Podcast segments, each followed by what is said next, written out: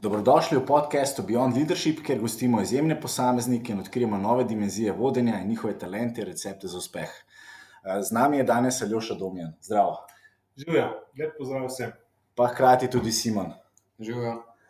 Eh, super, zdaj preden, preden se spustimo v debato s tabo, da te v bistvu eh, predstavimo našim poslušalcem. Se pravi, ti si lastnik 1A, si poznavalec, ljubitelj digitalne prodaje, podjetnik oziroma pravijo zate, da si tudi serijski podjetnik, startup investitor, motivator, predavatelj. Um, dejansko si tudi dobil različna priznanja. Uh, slišal smo tudi, da pišeš knjigo, tako da o tem boš malo več kasneje povedal. V letih 2015 in 2016 si bil tudi nominiran za enega izmed pet kandidatov za slovenskega investitorja leta. Uh, si tudi uh, advisor v, v pospeševalniku ABC in pa hkrati si tudi leta 2019-2020 vodiš ta organizacijski odbor Next Round. Um, tako da zelo, zelo zanimiva, uh, ko bi rekel, CV, zelo zanimiva zgodovina. Tako da, dajmo se malo spustiti v, v tvoje možgane, da te malo uh, potipamo. Okay. Um, da nam povej, če bi se mi dva srečala in to zmeri vprašam v gimnaziji, kakšen je bil Aljoša v, v gimnaziji? Si bil zelo rodoveden, si bil, kakšen si bil? Bil sem tako, ne, samo svoj, uh, svoj prav sem ne užival, sem po svoje. Uh, Rečemo, pravi upornik. No. Pač eden od upornikov tistih gimnazijskih. Uh, ja, tako so se mi tudi zapomnili na, na gimnaziji. No. Sem bil vedno v, tako, več ali manj konfliktu s kakšnimi profesorji. uh, zdaj, glede na vse vaše vloge, naloge, ki jih je Mark že naštel, uh, bi me mogoče zanimalo, kako izgleda nek tak vaš tipičen delovni dan. Ja, to se sicer spremenja, ampak uh, ja, moj dan je precej razdrobljen, uh, ker delam na različnih stvareh. V bistvu imam tako razdeljeno na, na neke mikrotaske. Uh, je pa res, da poskrbim, da nimam preveč sestankov, spravi, imam neko omejeno število sestankov na dan, nek čas si vedno rezerviram ker moram vedno nekaj sam napisati, ne, torej, ali uh, tudi kakšne odgovore, pošto in tako dalje. Tako da, ja, žal, žal je treba pisati, no, tisti najbolj hitri stvar. Uh, tako da, ja, nekaj, nekaj, pač nekaj pišem, to sigurno ura, pa pol do dve, ne, ali pa tudi kakšni Exceli, pa takšne stvari, ne, analiza in tako. Uh, sestanki, sestankov je sigurno več, to je na 3-4 ure, kar so delavci za zunanjimi. Pol pa, kakšen posel, reševanje težav, tisto, ko vsak dan sprotke pride, tako da zelo dinamično. No. Ti si eden izmed pionirjev uh, spletne prodaje, spletne trgovine in si že leta 1999 začel, začel s prodajo preko spleta. In takrat je postal tudi, uh, si postavil prvo v bistvu slovensko spletno trgovino, ena.com. Um, kako si prišel do te ideje? Oziroma, ker to leta 99 so bili čist drugi časi, kot so danes, in to si mogel biti res zelo, zelo napreden v razmišljanju. Ja, ali pa nisem, nisem uh, imel dovolj podatkov. ja, uh, torej jasno, Amazon je že obstajal takrat. In meni je Amazon bil uh, svetska firma, to, to, jaz sem kupoval, to vsi kupujejo, vse svet kupuje na Amazonu. Dalje, Vedno sem se ukvarjal z novimi zadevami in meni je bilo ej, fenomenalno, ne, to, da kupiš. Uh, moram priznati, da sem šele ne dve leti nazaj pogledal, koliko je Amazon v tistem letu naredil prometa. Ne in me je šokiralo. To je bilo 6 milijonov dolarjev. Tako da, neč ni bil, neč ni bil svetska firma. Uh, no, in ker sem bil tako navdušen, sem uh, pravzaprav, mislim, jaz, Gambit je bil takrat IT firma ne? in smo imeli cel kup takih večjih slovenskih firm. In smo navdušili enega od naših poslovnih partnerjev, da mu postavimo spletno trgovino. Uh, njim se je to tudi zdelo fajn in smo to tudi naredili. Ne? Ampak tisto, kar se je zgodilo, je, da oni v pol leta niso enega kosa prodali. Ne? Pa so imeli neke spominke, pa svoje proizvode, bili so sponzorji enega prvoligaša, košarkaškega. našega slovenskega, tako da so še drese, mislim, vse tako po vzoru NBA, vse živo. To, mislim, sajt je bil res super. Ampak seveda, čez par mesecev so mi rekli, konc, ne, glej. In zdaj mi smo ostali, so spletne trgovine, vse živo smo se naučili, jaz sem bil navdušen, povedal, da bomo pa mi začeli, ne. To smo v bistvu vse, kar smo že ekipo imeli, smo postavili svojo spletno trgovino, ne. In, uh, ja, in tako smo začeli, no taki hecni začetki so bili. Tudi mi moramo priznati, da prvih šest mesecev nismo niti enega, da smo podali preko, preko spleta, ampak smo pa ustrajali. No. V tistih šestih mesecih smo se naučili, da rabiš promotion, ne, da rabiš mailinge. In ko smo rekli, da če že ljudje ne hodijo k nam kupovati, bodo vsaj hodili nekaj brati. In smo takoj začeli z mailingi in z nekimi novičkami iz sveta tehnologije, ker smo bili samo računalniška firma. Tako da smo v bistvu ohranili nek tempo in ustvarili vtis pri ljudeh, da ljudje pri nas kupujejo. Ne? Ja, in če šest mesecev so začeli kupovati, in potem je to res uh, laufalo. Um, zdaj, z vsem tem vašim znanjem glede spletne prodaje, ki se je nakopičilo preko 20 letih izkušenj, zdaj že uh, me zanima, če se vrnemo mogoče nazaj malo v letošnji marc, uh, ko je nekako ta korona kriza udarila karantena kaj se je v bistvu dogajalo v vaših možganjih, kaj je bil tisti vaš nek prvi razmislek, kje priložnosti, prednosti ste vi videli takoj za spletno prodajo? Uh, ja, meni je tako, ne, uh, sploh se vrta še kakšno vprašanje na to temo kasneje. Mhm. Ampak priložnost za uspeh je vedno, ko se zgodi nek change. Ne. Čim, in takrat veš, da če si prvi, če si prvi, Tako da, ja, moj prvi tisti feeling ne, je bil, da zdaj se pa nekaj zgodilo, zdaj pa da imamo to izkoristiti. Pol seveda, moš razmišljati, kako boš to izkoristil. Uh, in ja, v firmi smo se usedli, malo je bilo strahu, eni so celo rekli, da bomo mi to zapreti, ne, se je panika in tako. Če ti čakate, kje bodo ljudje kupovali, mi smo edini, še ki jim lahko prodajajo. Dajmo mi pogledati, kako bo. Ne? Ampak takoj sem vedel, da bo problem z logistiko, da se bo katastrofa. Ne? In uh, da bo zmanjkovalo robe. Ne? Tako da smo začeli takoj kupovati uh, robo pri distributerjih, uvoziti, kar se je dalo. In uh, pogrunil sem, da, da če zaprejo lokale, ne, da pač ostanejo ti dostavljalci, ki furajo pivo in vse to mhm. okrog, fraj. Ne, in smo pač šli ven in smo vsaj ljubljeno, rekli bomo, pokrili in smo jih pač najeli, da, da vozijo za nas, ki jih niso imeli dela. Tako da. Pol ekipo, ker imaš eno skladišče, ne, to je tisti izziv. Ne, ti imaš iste kapacitete, uh, in zdaj moš povečati. Simpel je, ne? to mi je bila tako zanimiva življenjska izkušnja. No, kaj je to povečati 20-30%? To malo napneš, pa gre. Ne? Ni, ne? Zdaj, ti moš prodati dvakrat več, ne? ali pa celo trikrat več. E, imaš pa isti prostor, enostavno nič. Smo šli prvič v zgodovini, smo naredili tvoje izmensko delo, tudi zato, da, da se ekipe nisem hotel, da se srečujejo. Se pravi, da če bi en zbolel, sem vedel, da so vsi ne? se niso niti srečevali med sabo. Uh, tako da smo takoj naredili dvojizmensko delo, uh, te zunanje vzeli in smo bili redi. Tako da smo dejansko celo krizo, vsaj po Ljubljani in okolici, dostavljali next day delivery imeli uh, zagotovljen. In ja, moral sem imeti robo. Ne? Tako da uh, to je bilo vse. No? Enostavno sem rekel, noč, zdaj je opportunity, vedel sem, da popraševanje bo in da enostavno moraš sam zagotoviti to, kar ljudje uh, rabijo. Ne? Pač dostavo, kar tudi da mogli tudi trgovine. Uh, tako, ne, tako sem to gledal. Da mi povej, se pravi, tukaj se bomo dotaknili tudi nekaj vprašanj, vezanih na vodenje, na tvoj stil vodenja. Kaj je bilo pa za te najbolj pomembno, ko je prišla ta krizna situacija, pa če se zdaj dotaknemo, recimo, kriznega menedžmenta? Kaj je bilo za te najbolj pomembno, da si, da si naredil v trenutku, ko si se zavedel, da prihaja neka, nek nov izziv, neka kriza?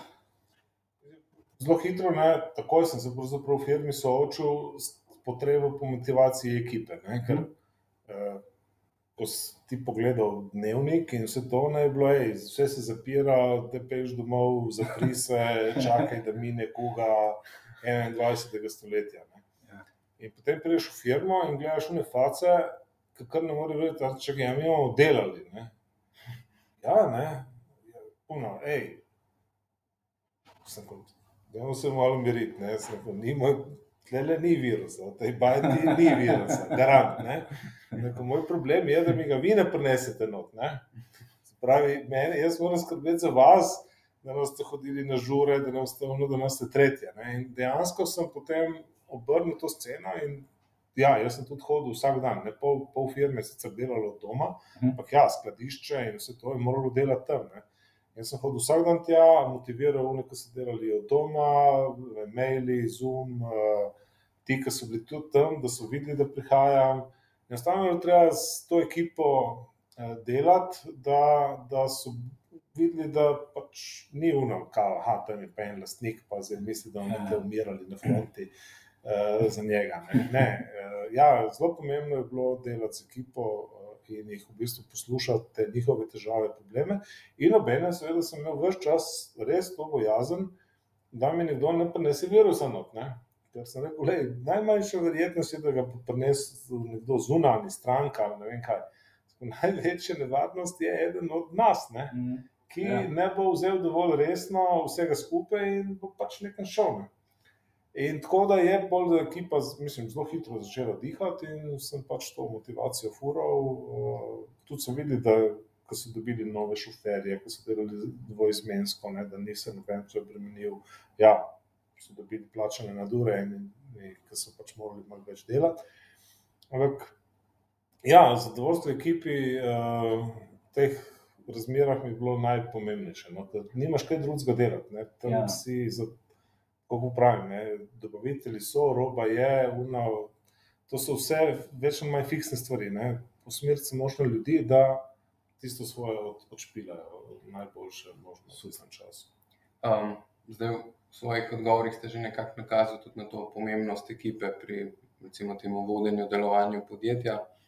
Pa mene zanima, v bistvu, kaj vam je pa najpomembnejše, ko v bistvu iščete osebe, ki bodo sestavljali vašo ekipo. Ja, tako, ne, zdaj, ker ima tako več nivojev. Uh, načeloma vedno iščem ljudi, ki pašejo skupne. Tudi, uh, recimo, ko nekoga zaposlim, ali pa da še na poskusni dobi, ali pa da pride tako samo za mesec, dva probat. Uh, ja, bolj gledam na to, ali gre s sodelavci na kavo, ali ne gre, ali pomaga. Uh, mislim, spet gledam, kako se je drugi del ekipe odzval na njega. Ne? Ali so mu pripravljeni pomagati. To je neverjetno, kako smo ljudje tako podzavestno, uh, če gledaš ekipo, hitro rangira vsakega novega. Ne? Hitreje, kot ga sem jaz sposoben, ker ga ne vidim v vsaki situaciji. Ti imaš ljudi, ki ugotoviš, da jim vsi pomagajo. Ne? Ampak kaj to pomeni? To pomeni, da je tudi on njim pomagal. Ne? Se pravi, so prišli, nekaj vprašali, on jim je nekaj rekel. Ne? Če je on zaprt, ne, tudi oni vidiš, da so mu dali dvojko, ne, ne komunicirajo z njim, ne grejo, grejo popoldne na pier, njega niti ne povabijo, ne, ali pa nje.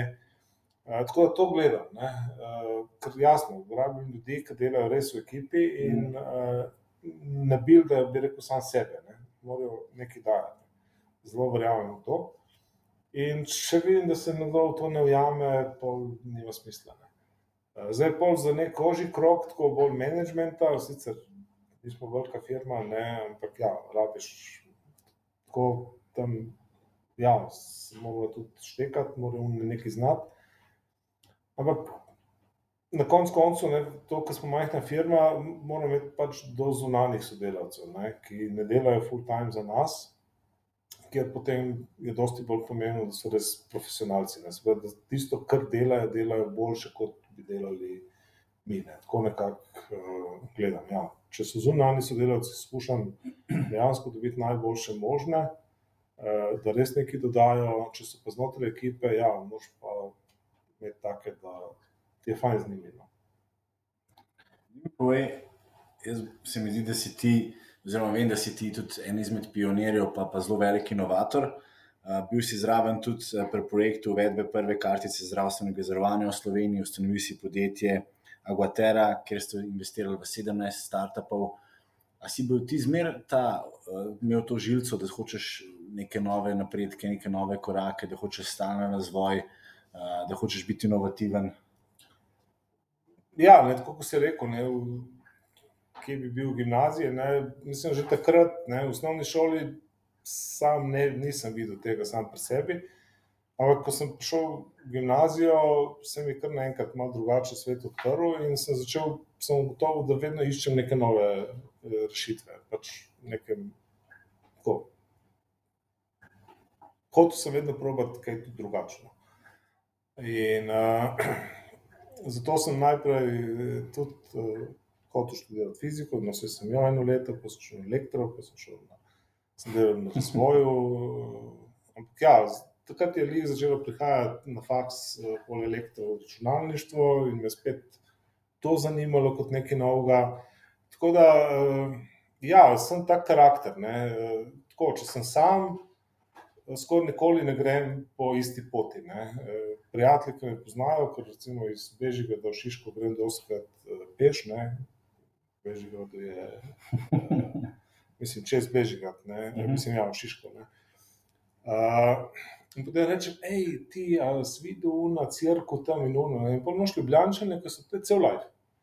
Kakšno crkvo, ne, te sprašuje, kako, no, ne veš, ne, ker skoraj nikoli ne grem po isti poti, ne, enostavno vedno iščem nekaj novega, da, da pač me to zanima, ne. in isto je tudi v biznisu mi povej, koliko je pa pol zate pomembno, da kot vodja vlagaš v svoj razvoj, pa se stalno izobražuješ, pa skozi pobaš biti en korak naprej. Ja, to mi je del life, ne? berem vse živo, zelo široko. Ne?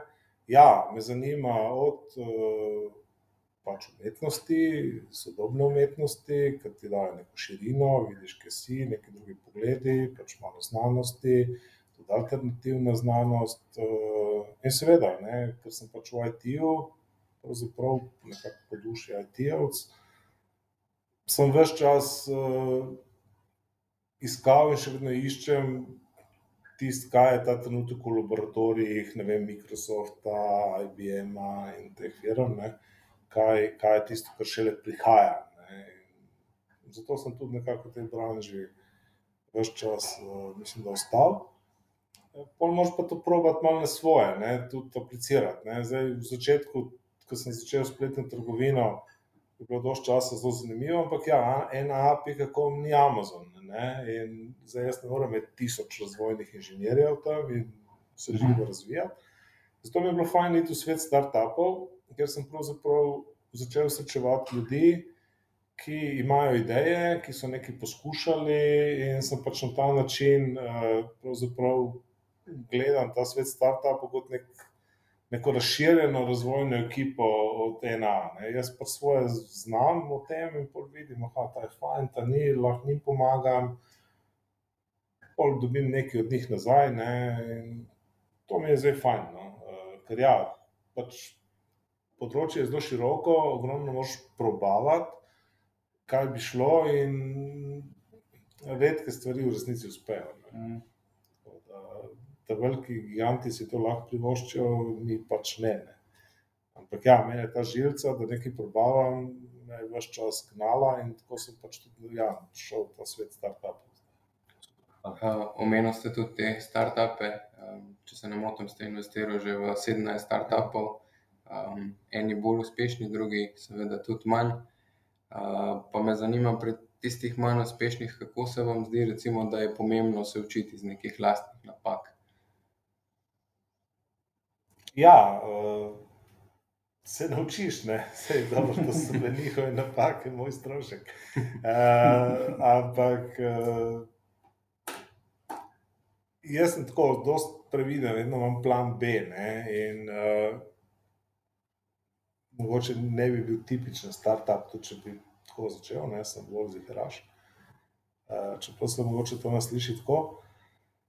Uh, Tako da, ja, ko sem pa investiral, ne, ja, par startupov je že šlo, mislim, da so štiri končali, pa so imeli super ideje, pač vse neki zalomi, pa gre. Uh, ampak probavati moraš. No. Jaz mislim, da, da zdaj že, če tako se vrnem spet na spletno trgovino ali pa to, kar zdaj mi delamo, ne, ko razmišljamo, kako delati tudi v firmi. Pravzaprav imajo vsi dokaj odprte roke, moji sodelavci, ker tako ugotoviš, ne, da danes, mislim, če, je, če kdaj ni bilo možno biti zihar, je to danes. Ne. Trg je izredno širok, ljudje smo izredno različni, zelo težko je napovedati, kaj se bo prijelo, kaj je tisti prav. Ne. Torej, moraš probati in meriti rezultat. Ne. Če sem recimo se prej samo na intuicijo zanašal, ne, zdaj rad uporabljam te sodobne tehnologije, sploh na internetu, ki lahko se živo tako izmeriš, eh, da hitro gledaš feedback, ne, kam, kam gre, se je prijelo ali ni, ker če se ni, ne vem, dobro, v spletni trgovini je tako, če se v enem tednu nekaj ne prime, se tudi čez en mesec ne bo prijelo, ne, eh, to je noro. Stvari, ki so dobre, se primejo v dveh, treh dneh, recimo, to kupci imajo neverjeten uh, odziv, ne. Tako da isto je startupi. Ja, startupi, to pivotiranje, ta zgodba, ne, najbolj sem slabe volje, ker vidiš neki en sili, sili in pol noče se obrniti. Ne, vidiš, da ne gre, nič ti ne pomaga, če ti še malo boš naredil. Ne, moš obrni, probaj in ko. Ko ta pristop ne, neki naredi neko analizo stanja, oceni, se odloči, probaj, izmeri, uh, mislim, da danes uh, ta pravi. Startupi večinoma delajo. Ti si bil eh, leta 2016, si prejel tudi nagrado za najboljšega mentorja za tretjo generacijo startupov v ABC pospeševalniku. Pa mi je zdaj vprašanje, kaj ti mentoriraš startup? A ti lahko že zelo hitro preceniš, kje manjka znanje, ali bo ta ekipa uspela, imajo dobro idejo. Pa drugič, a si imel ti v, v svoji karieri tudi kakšnega mentorja?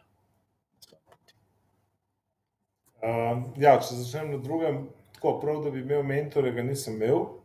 Uh, je bi, pač bil en človek,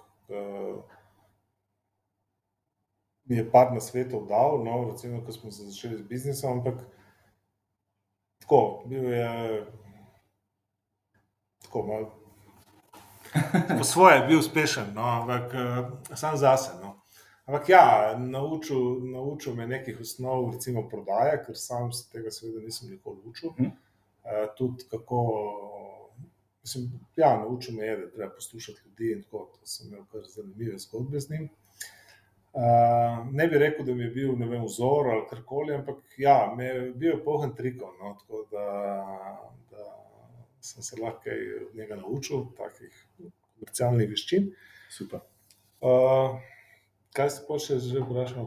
Ker ti si v bistvu ja. najboljši mentor tretje generacije in zdaj ti, ki mentoriraš eh, start-upovce, eh, se pravi te podjetnike, ali lahko ja. zelo hitro preceniš, kje jim fali, kaj manjka? Ja, tako, eh, leta 16 še ne, ne.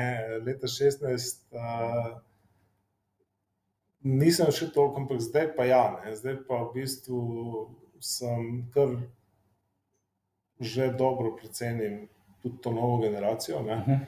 Um, pač nova generacija so dosti bolj uh, izobražene, imajo veliko znanja. Potem so tudi boljše v javnem nastopanju, v poprečju. Ne, tako da, doskrat znajo, torej, praviloma znajo vsi vse lepo povedati. Ne, se pravi, pa tudi ideje. Uh, tako, jaz tako pravim, ko hodim v start-upi, 99% je takih idej, da bi jaz z njimi preživel. Ne. Če je bila tista tina stvar, ki je, jaz bi tisto vzel, pa evo, preživim sebe in družino. Recimo, in potem moraš začeti gledati, ne, ali bodo to res naredili. Uh, in ja, sem recimo tako v dveh do treh, po tretjem sestanku lahko ocenim, ali bo kaj z njih ali pa ne. Tako. To si dobil z leti izkušenj. Ja, če začneš vse je dobro. Jaz sem vedno gledal, jaz vedno pravim, ne, vedno na prvem razgovoru nimaš kaj drugega, kot poslušati. Ne. Ampak potem daš kot na svet, pa tako, ne, in zdaj potem začneš gledati, da so kaj naredili. Ne. In če, se, če vidiš potem na tretjem sestanku, da niso nobene spremembe naredili, da niso tako, sem ja, ja, super, fajn, ja, bomo, ne, pol pa ni, ne, pol ima milijon izgovorov, zakaj tega niso naredili, pol že veš, da tist, ta firma ne bo nikoli nastala, recimo, neka uspešnica. Ker tako je, imaš potem sešteješ to malo z vzorcem, ne, uh, ljudi, ki so uspeli, ne, uh, ali pa recimo mojo generacijo, ne, se potem spomniš. Jaz, ko sem začel se start-upi ukvarjati, sem se pač spomnil, ja, tudi takrat, ne, jaz sem bil v tistem začetku biznisa, ko se je to zasebno podjetništvo sploh sprostilo. In pa se spomniš na vse tiste ljudi, ki si takrat z njimi srečal, in ugotoviš, da je pravzaprav zelo malo podjetij res obstalo. Ne. In ugotoviš, da ja, vse so majhni kiksi, ne, ampak tako ne, podjetništvo je tako, kot en slalom. Ne? Eh, in če hočeš priti do cilja, ne moreš ti sfurati 50 vrat, ne? Eh, vsako optimalno. Jaz tako vsakeč, ko recimo mi kdo reče, outfit 7, a so imeli srečo, so naredili Talking Toma, ne? ja super, ne, to, to, to so šele štartali. Ne? Tam so morali sprejeti na točnih odločitev, eh, eno za drugo, v sorazmerno kratkem času, ne, tistih sedmih ja. let, Ja. da so pripeljali do tiste milijarde. Ne. In to si dosti krat ljudje ne predstavljajo. Mislim, jaz imam idejo, bom nekaj naredil. Ni res. Ne. Ti moraš 50 krat, recimo, pa 100 krat se o pomembnih stvareh pravočasno in točno odločiti.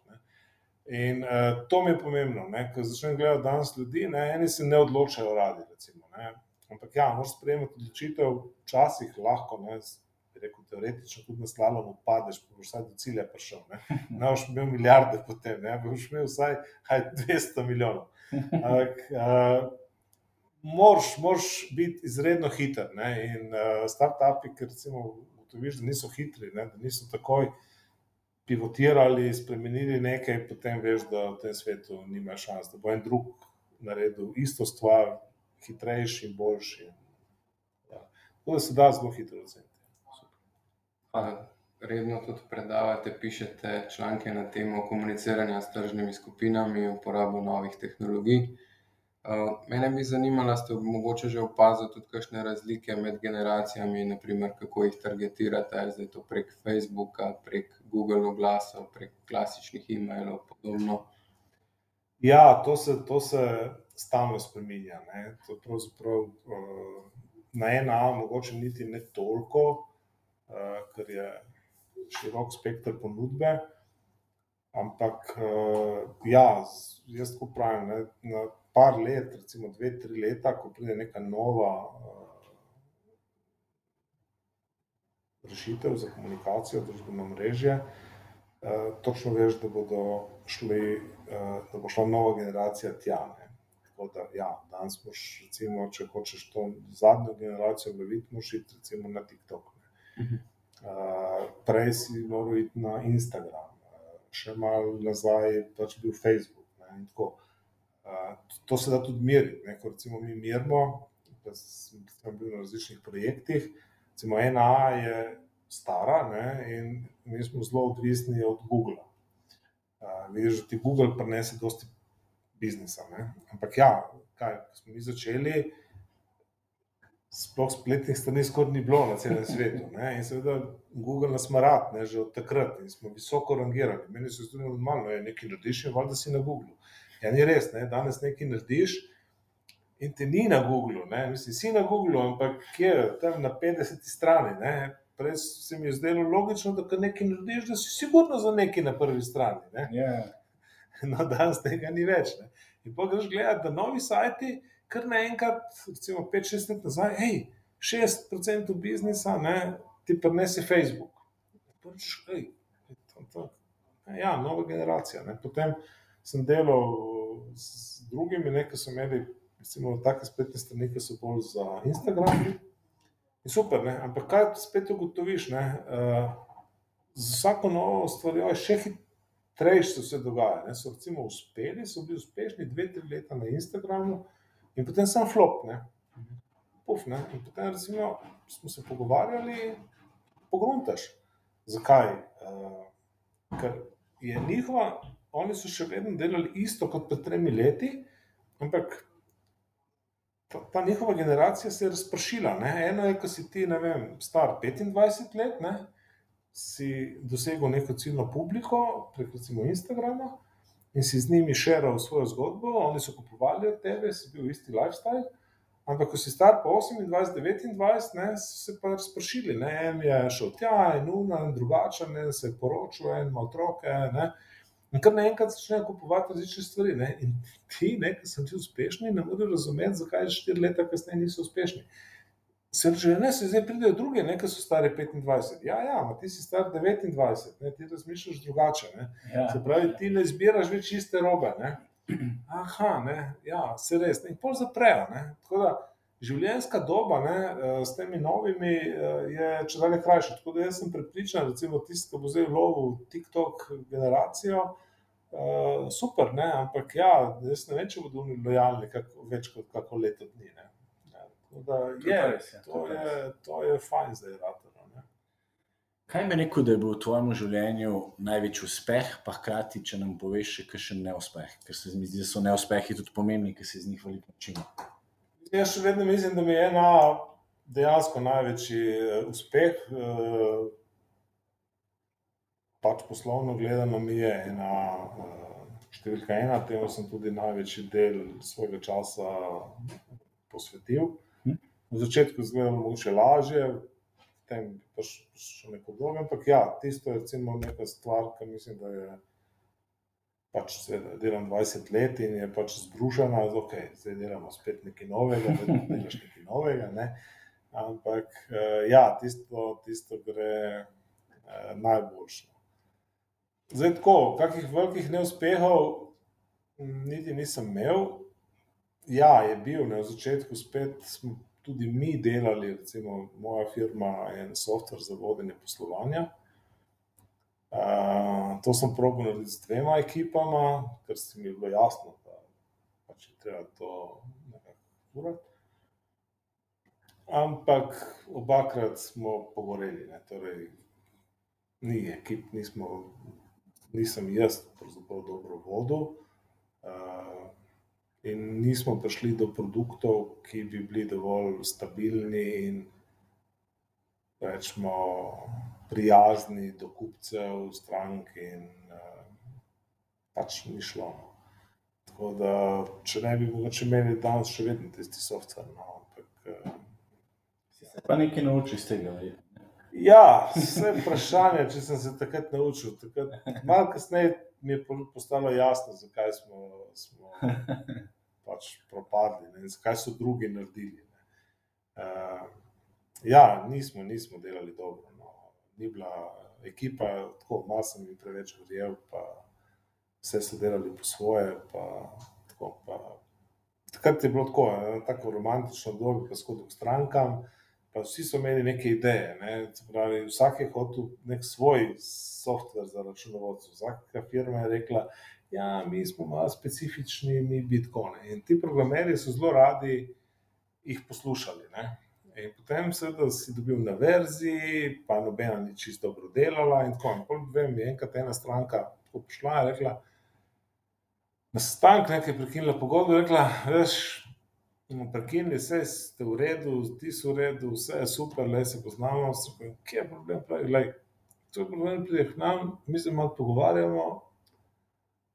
In naslednji teden, vse, kar smo mi nekako rekli, on že to malo popravil, pa tako naredil.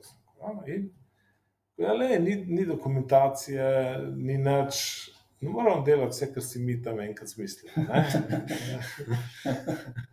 In ja, je res. Ne, je rekel, le, mi pričakujemo nekaj stabilnega, da vi veste, kaj delate. Ne, in da vaši programeri poštevajo stvari, ki jih je en pri vas razmislil. Ne, ne da kar on vse naredi. Sveda, jaz še vedno nisem, da je on tam dela neke nove funkcije. On je bil pa vesel.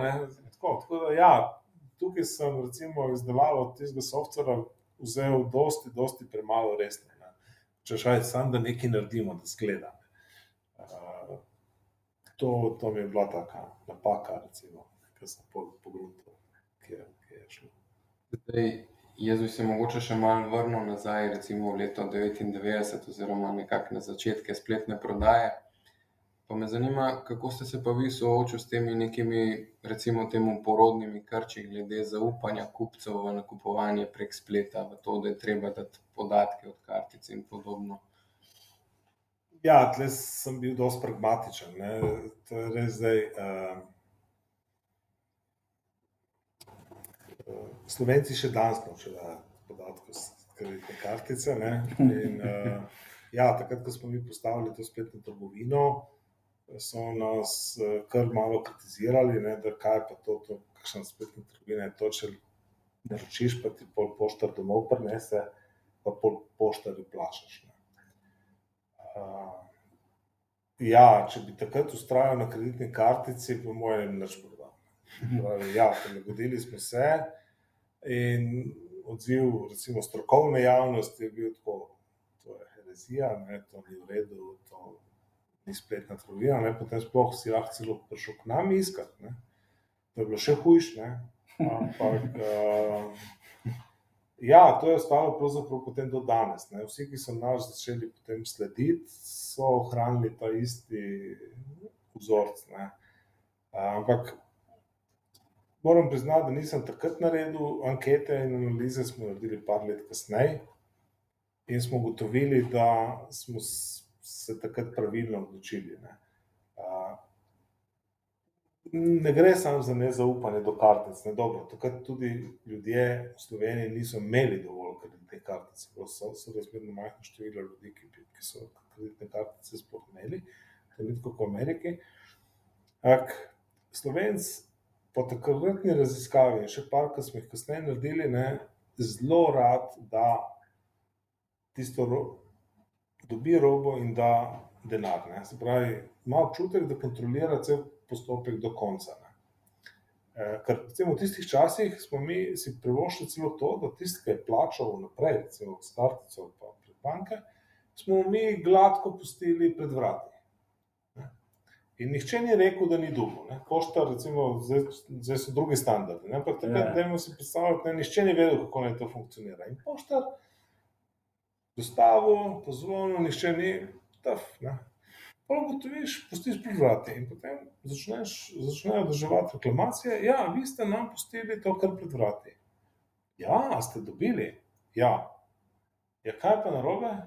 Ja, pa če bi pa kdo od sosedov, pa pol so videli, da smo mi nekaj kupili, ne.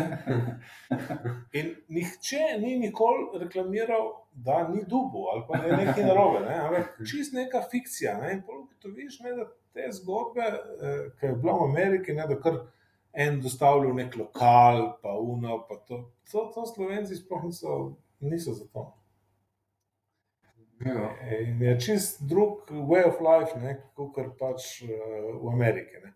Pol smo bili, sem bil precej let nazaj, ne, tako tudi na enem kongresu v ZDA, pa smo se o tem pogovarjali, ne, pa pravijo Američani: "Kaj vam plačajo tako s kešem, ne?" Ja, ne. Rekel: "A tudi notesnik?" Sem rekel: "Ja, ne." "A tisoč dolarjev?" "Ja." "Ja, kaj, a jih ni strah? Oni imajo tisoč dolarjev doma v gotovini." Sem si rekel, "Po še kaj več imajo kje, ne."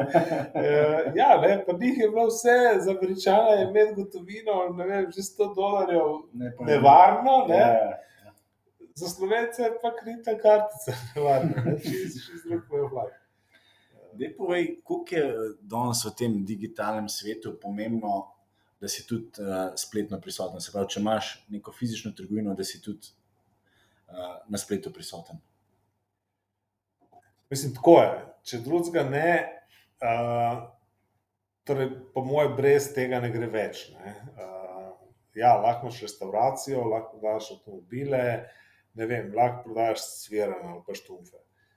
Ampak velika šansa je, da bo nekdo šel na Google, vpisal v iskalnik, mogoče celo ve, kdo si, če drugega ne, ga bo zanimalo, ali so odprti, ne, ali zdaj je sobota, a dela ta trgovina danes ali ne dela, ne, ali pa kje lahko parkiram.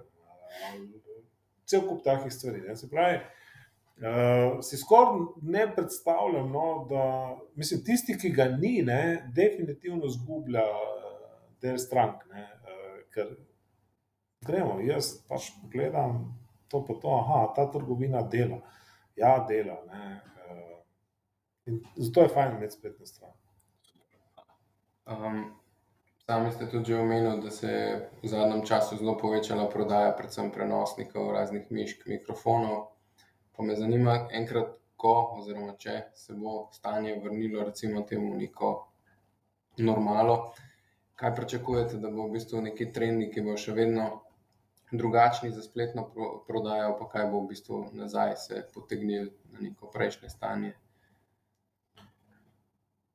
Dobro, ta, ta trend. Uh komunikacije nadaljavo, ne se pravi, kongresov, seminarjev, izobraževanj in to, mislim, da se tukaj to se odprlo in to bo ostalo. Tukaj ne vidim več poti uh, nazaj, ker vsi, ki so to izkusili, ne vem, če se jim bo dalo še iti, vem, za en teden leteti uh, in se živo, ne, zato da potem tam pride uh, v sicer osebni kontakt, ampak to je tako, ne, danes osebni kontakt. Greš lahko na nek simpozij, ki je 2-3 tisoč ljudi, ne, tudi je lahko zelo majhna šansa, da boš sploh lahko govoril s tistim, da boš sploh roko dal tistim, mhm. ki bi se želel. Tako da jaz mislim, da, da to bo ostalo, da je to ta korona zdaj prinesla. Drugače, ja, v Sloveniji je šlo nekaj kupcev več na internet, ti bodo tudi ostali.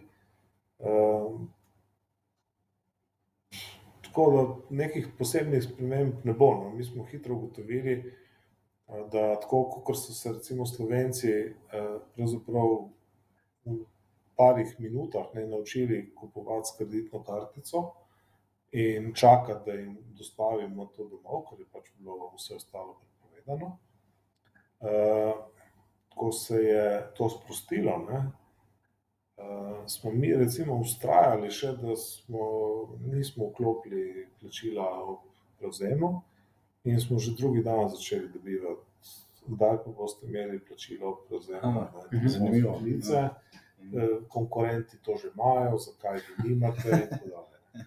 In danes smo uh, tam, kjer smo bili. Ne. Torej, spet je uh, ogromno plačil po povzetju. Uh, tudi spet Ljubljana hodi k nam, uh, osebno prevzema.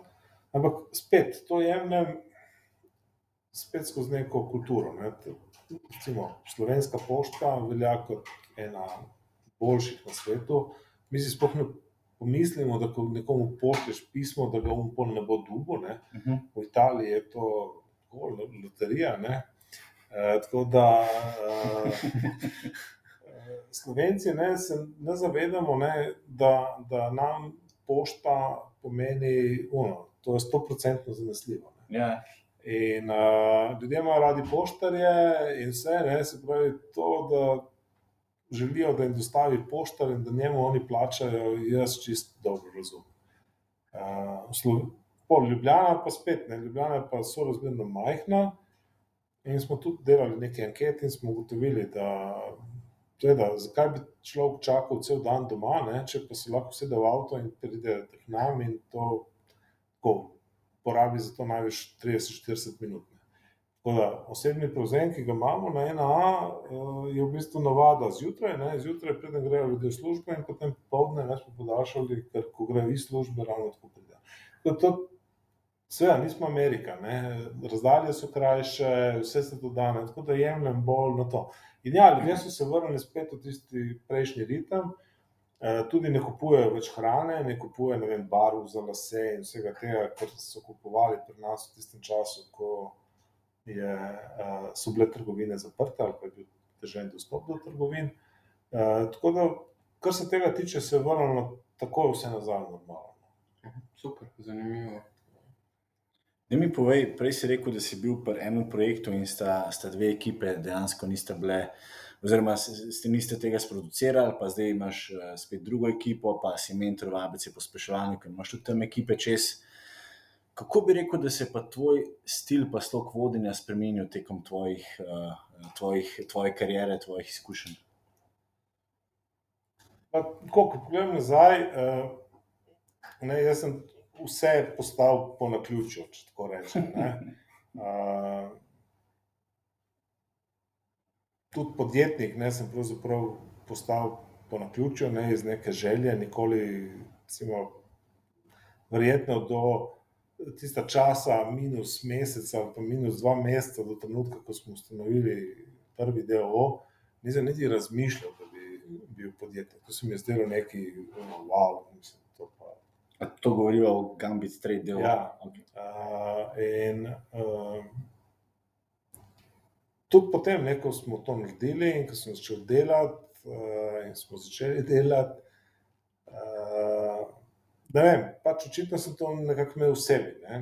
Uh, tudi to mentoriranje, stil vodenja, vse. In potem počasi odkrivaš nazaj, ne se s toliko letih izkušenj, pa pol prebereš, kakšno knjigo, ne pa pač pol ugotoviš, ne pa šel sem tudi na kakšne izobraževanja. In pol ugotoviš, da se, to vse bi se dalo naučiti, naprimer, ne, če bi šel v Rikverc prej, ampak ja, nikoli nisem res ogromno časa porabil za to vrstne izobraževanja.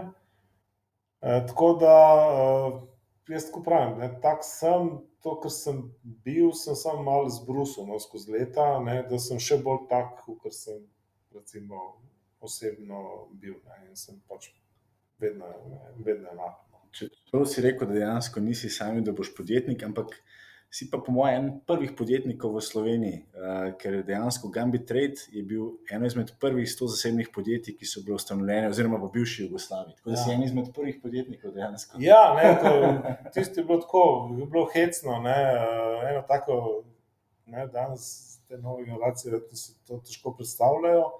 Uh, vsi smo bili v družbenih podjetjih in uh, to je bila normalna karijera, ko si naredil faks pravzaprav 99% ljudi, če ne no, 99%, se nas je zaposlilo v družbenih podjetjih. In jaz prišel, jaz sem bil razvojni inženir v Iskri in pač tam delaš, ne? Vsaj, kaj pa drugega, ne? Vsaj, v redu, si šel čez mejo, ne? Pa, jaz sem bil v Itakro, v Novi Gorici, pa vem, kako je bilo tam čez, ampak ok, tam je tako, tle je tako, ne? Uh, tuno, da bi imel svojo firmo, Ne, takrat si lahko bil edino še obrtnik. Zdaj, če si naredil, če si bil strokovnjak, moraš biti obrtnik. Ne? Torej, inženir ni bil noben obrtnik, ne? to ni laufalo skupaj. E, tako da, ja, nisem nikoli o tem razmišljal, potem se je kar naenkrat pojavila ta možnost in so uh, tako nastale ene dve firme, meni je bilo to fajn in sem šel celo na razgovor v eno firmo. In uh, mi niso hoteli vzeti, vsak ne, in rabimo. In tako ne. In uh, polno sem imel par frendov, sem rekel, to se mi začeli pogovarjati, in smo rekli, mislim, da to nič ni stalo, ne, to je bilo tako. Jaz mislim, da smo dali tako, v današnjih evrih, bi to bilo po mojem 20 evrov, ne, bi ustanovni kapital. Mhm. Ampak. Top, Uh, to je bilo vse, kar si rabo. Uh, in smo šli, da je eno.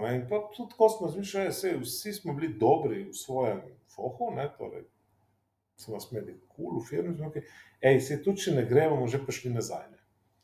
Uh, Bistven razlog je bil, ne, da smo v firmi, v Iskri, ne, mi smo že videli, da PC prihajajo na trg.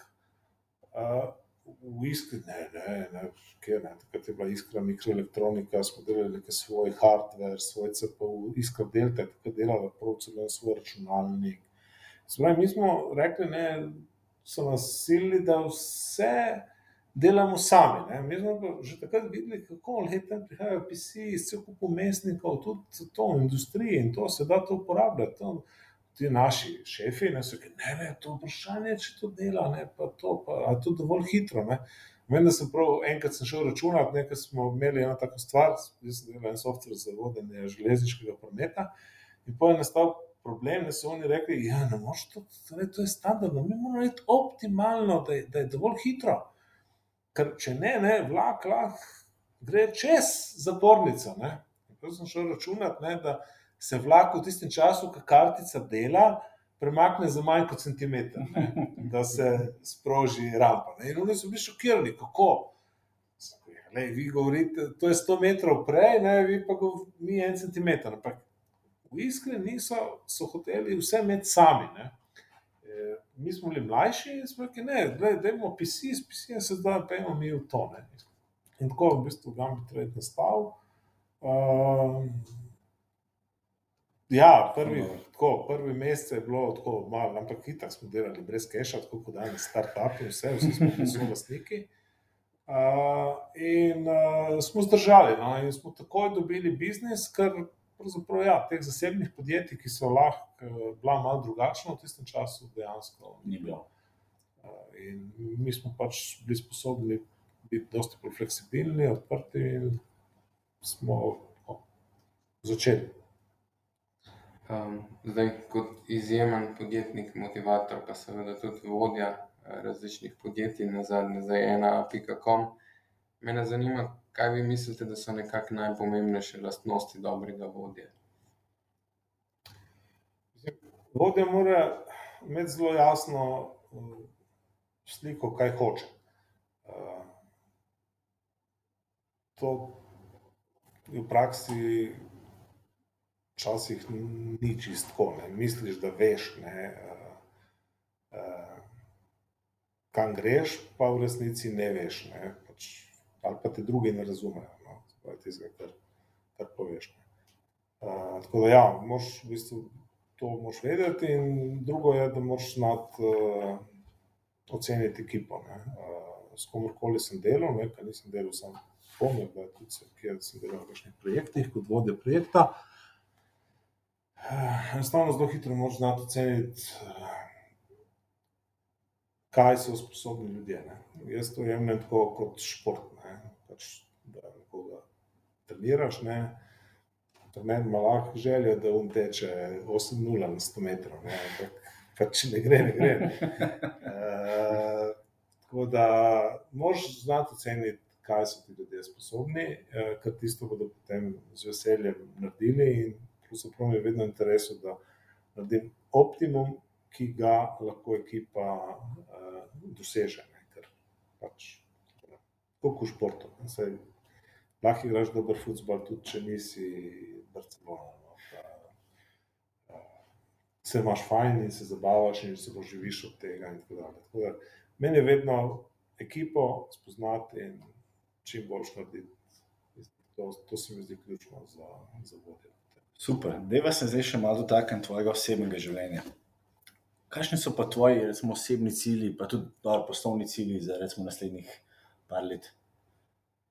Ja, zdaj, ko sem kupil, ne, po vseh teh letih sem postal edini lastnik ena, gambita, nepremičnin in vsega. Uh, Sedaj sem se soočil s tem, da, da treba, bo treba pogledati deset let uh, naprej. Uh mhm. -huh. Zdaj, firma je šla skozi več uh, faz. Eh, ja, pred 20 leti smo bili prva spletna trgovina v regiji. Par let kasneje smo razmišljali in smo že naredili nekaj analize, da bi šli v Italijo in v Avstrijo, ker takrat ni bilo še tam nobene spletne trgovine, vsaj uspešne ne.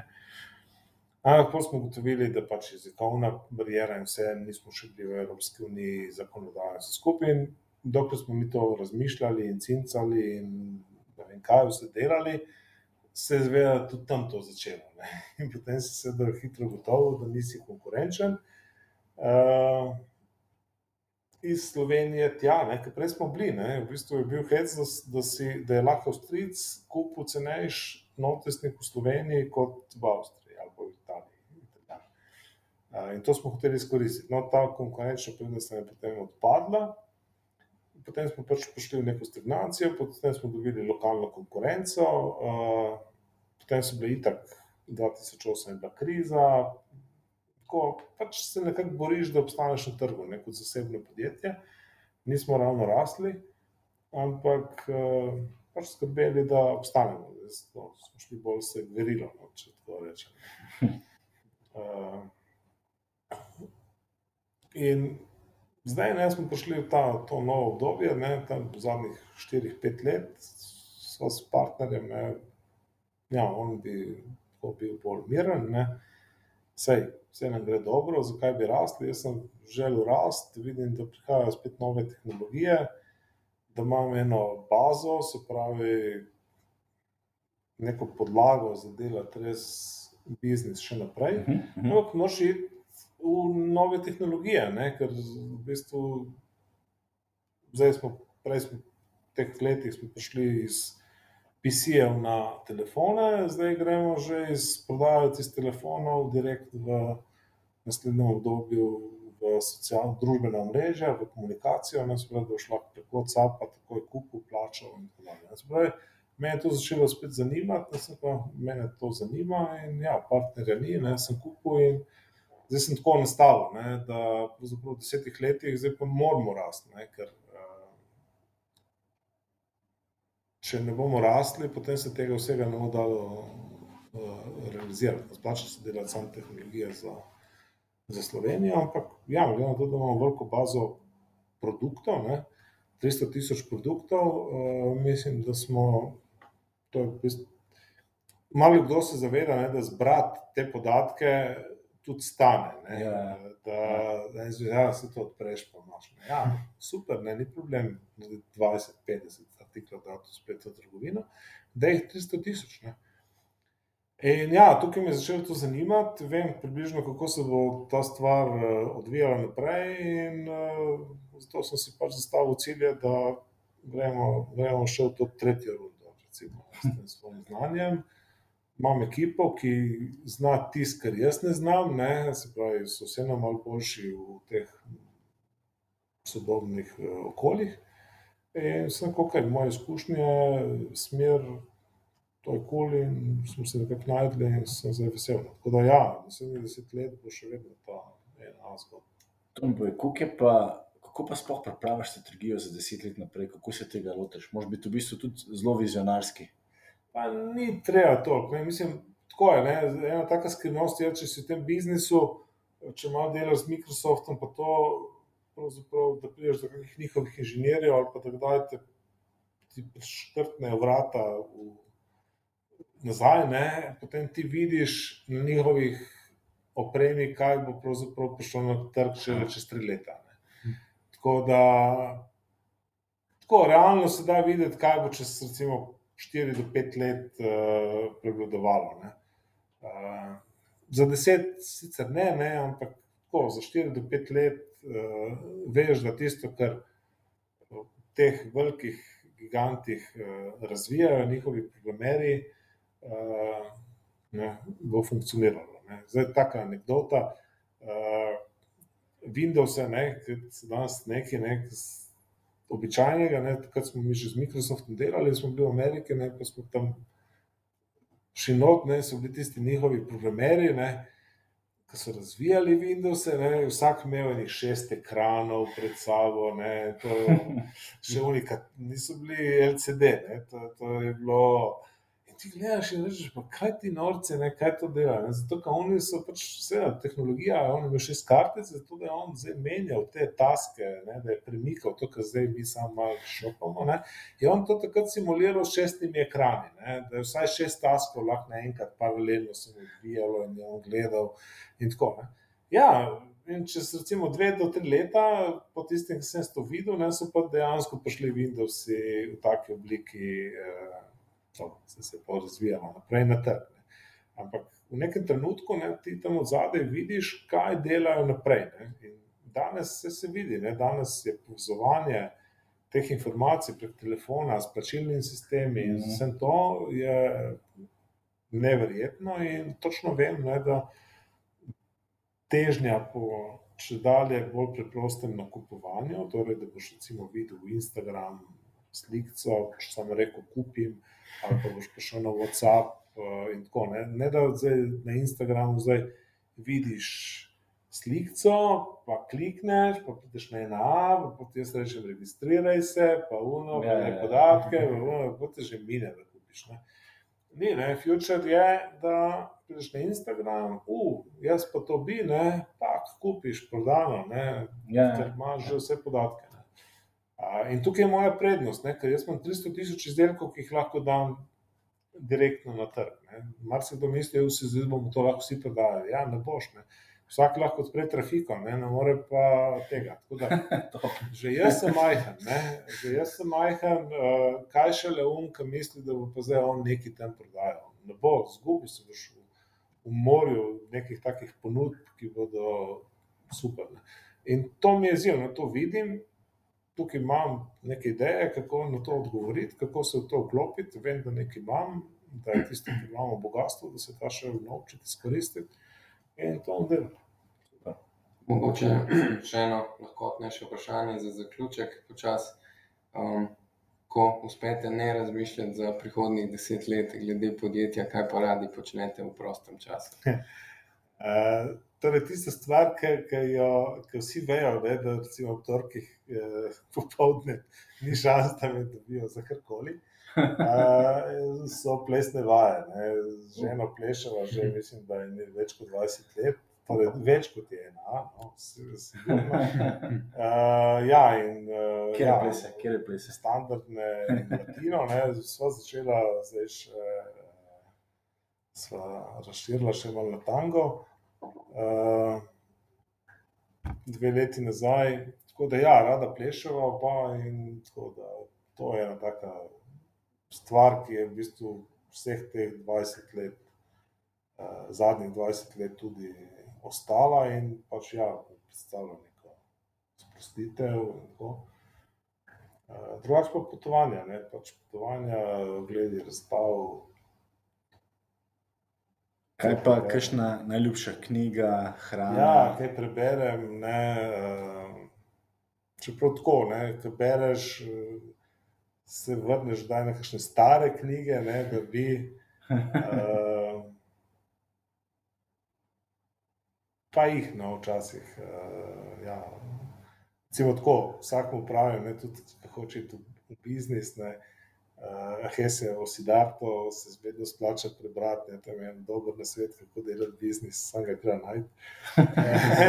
ne ljudje preberejo. Uh, Borgesove izmišljije ne, so mi vedno ena stvar, ki me navdahne, kako lahko vse vidiš čisto drugačne. Uh, pa je še vedno realno. In to je danes še toliko bolj pomembno. Ne. Tako da ja, grem tudi po teh starih knjigah, drugače so tako, kakšne kriminalke je pa najlažje danes brati. Ne. Uh, tako hitro, hitro branje. Kaj pa tvoja najljubša aplikacija? Ali pa tvoje? Pa v principu je samo Google. Ne. Uh, ja, če tako rečem, uh, to tudi jaz dosti krat koga vprašam, da sploh te start-upe, ki jim rečem, aha, ne, vsi bi to in rečeš, si predstavljaš, da, bodo, da bo milijarda ljudi imelo tisto tvojo ikonco na prvi strani uh, telefona. Ne. Uh, Ja, ne bo, jaz rekel, lej, nimaš šans, ne, zdaj, lej, imam neki bank, imam pošto, uno, vse, zdaj, zelo težko je priti. In uh, ja, ne, če tako pogledam, ne, tisto aplikacijo, ki je res zagotovo vsak dan, kaj rabim in mi je fajn, je Google, tudi vem, Google Maps, v bistvu vse, kar je od Google, ne, ti vedno nekaj rabim. Ne.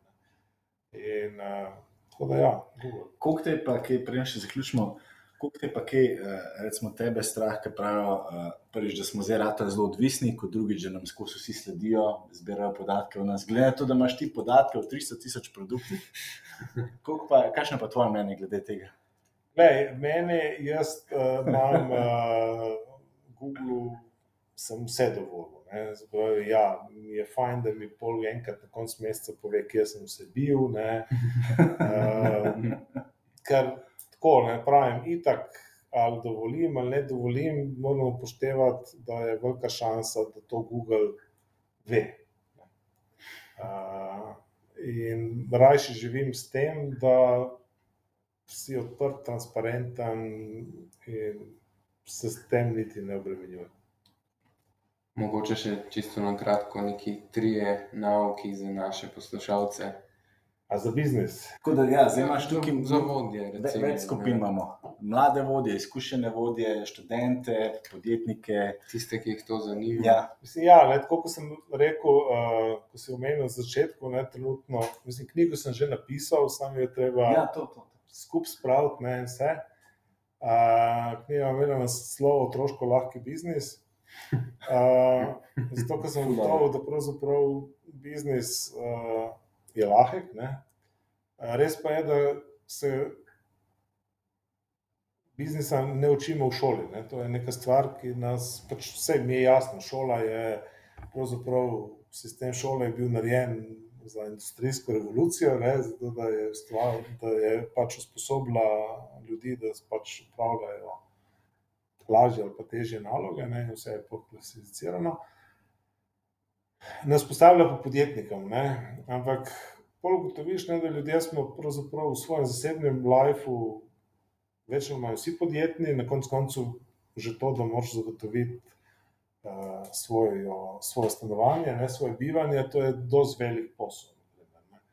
Uh, danes ne, uh, ena družina je pravzaprav uh, ima pogosto večji promet kot kakšen SP. No, če tako spet rečemo. Zdaj, vsi so podjetni, vsi se jih znajdejo, zdaj je treba samo spodbuditi, da grejo uh, biznis in da vse te svoje skills, ki jih imajo, ki so jih res v otroških letih celo imeli in so se jih zavedali, samo niso toliko razmišljali o tem, ne, da, da so sposobni, ne, pa malo bolj koražni si, ki si otrok, uh, da se to osveži. Tako da, ja, če bi tako rekel vsem, ki uh, ja, spodbujam ljudi, da grejo v svoj biznis, mislim, da prihajajo časi, ko uh, bo še toliko bolj pomembno, da vsak poskrbi sam zase, se pravi, da ustvarja nekaj, da, da najde svoj prostor v tej družbi, s tem, da tej družbi nekaj daje, ne? ker potem ta družba jemlje nazaj, seveda, to change, kar pomeni, da pravzaprav moraš biti podjetnik, torej moraš malo razmišljati. Ne? In uh, srečal sem ogromno ljudi, več ali manj imajo vsaj v nekem obdobju svojega življenja svoje sanje, bi radi nekaj ustvarjali in potem ne naredijo tistega koraka. In zato vsakmu rečem, gledaj, sanjaš o tem, da boš imel svojo firmo, da boš uno, sam pazi, ne, da vsako jutro, ko se zbudiš, da si se tudi v sanjah premaknil naprej. Ne. Ker takrat je zelo simpel, nobenih stroškov še ne delaš, ne rabiš denarja. Uh, Nič ni, ne, sam hudič je, ker se večina ljudi vsako jutro zbudi na istem. ne. Uh, Ima eno prepreko, ne, eno majhno stopničko, zaradi katere on misli, da ne bo mogel ustanoviti firme. Ne. Ali, kar je karkoli. Pa mu rečeš, da začni razmišljati, kako boš tisti problem res rešil. Ne da obstaja, ne, tiste so tako majhne pregrade. Sanjaj, reši problem, boš prišel na drugega, boš prišel na tretjega, in pa boš ugotovil, da skozi neki čas si rešil vse, in da je pravzaprav simpel iti v to, in te bo povleklo, in boš šel v svoj biznis, in boš ugotovil, da nisi rabo tistega denarja, ki v začetku zgleda. Ne, to, to, to ugotoviš pri startupih. Jaz to tudi sem videl, par takih, ki so šli naprej, ker ne moreš verjeti, ker ne dobi denarja, nič ne dobi. Ne. Jaz vedno rečem, to je nek mirakel. Ne. On, ni denar ta glavni. Ne. Glavno je tista motivacija. A ti si sposoben se premikati že v svoji glavi naprej. In če si to sposoben, potem, hej, ni šans, da boš prišel v real life, bo prišel denar, prostori, ta fizika, vse sodelavci, vse, z lahkoto boš reševal vse probleme, boš sigurno dober podjetnik. Tako da Sam ne se ustaviti v svojih eh, razmišljanjih. Vsak, vsaj malo misli, just razmišljaj, razmišljaj in propedi naprej. Zdaj, Ljoša, jaz bi ti zahvalil za tvoje uh, deljenje izkušenj, razmišljanje, poglede. Uh, tako da z nami je bil Aljoša, lastnik, founder uh, 1A, poznavalec, ljubitelj digitalne prodaje, podjetnik, startup investitor, motivator, predavatelj, uh, pionir. Tako da moje zadnje vprašanje, ki zaključimo, ti si dejal, da živiš in delaš v čudovitem svetu, v katerem lahko tu pa tam srečamo tudi eno roge. Kaj to pomeni? ja, seveda, ne. Uh, jaz pač mislim, da, da svet, v katerem živimo danes, je dejansko pravličen svet z ogromno uh, priložnosti. In uh, se treba zavedati, da torej, ni, ni bil pravličen svet naš otroštvo, nazaj, tudi ni, ne bo, ne vem, vse bo lepše, verjetno tudi v prihodnosti. Tudi danes je, danes je res najboljši life, ki ga lahko živimo, in danes se vse živo dogaja. In ja, tudi danes se mogoče eno tukaj v Ljubljani, ne vem, utrl neke ideje, iz katere bo nastala spet firma za milijardo dolarjev, ne, se pravi, tisti enorog je lahko čist nekje tlene.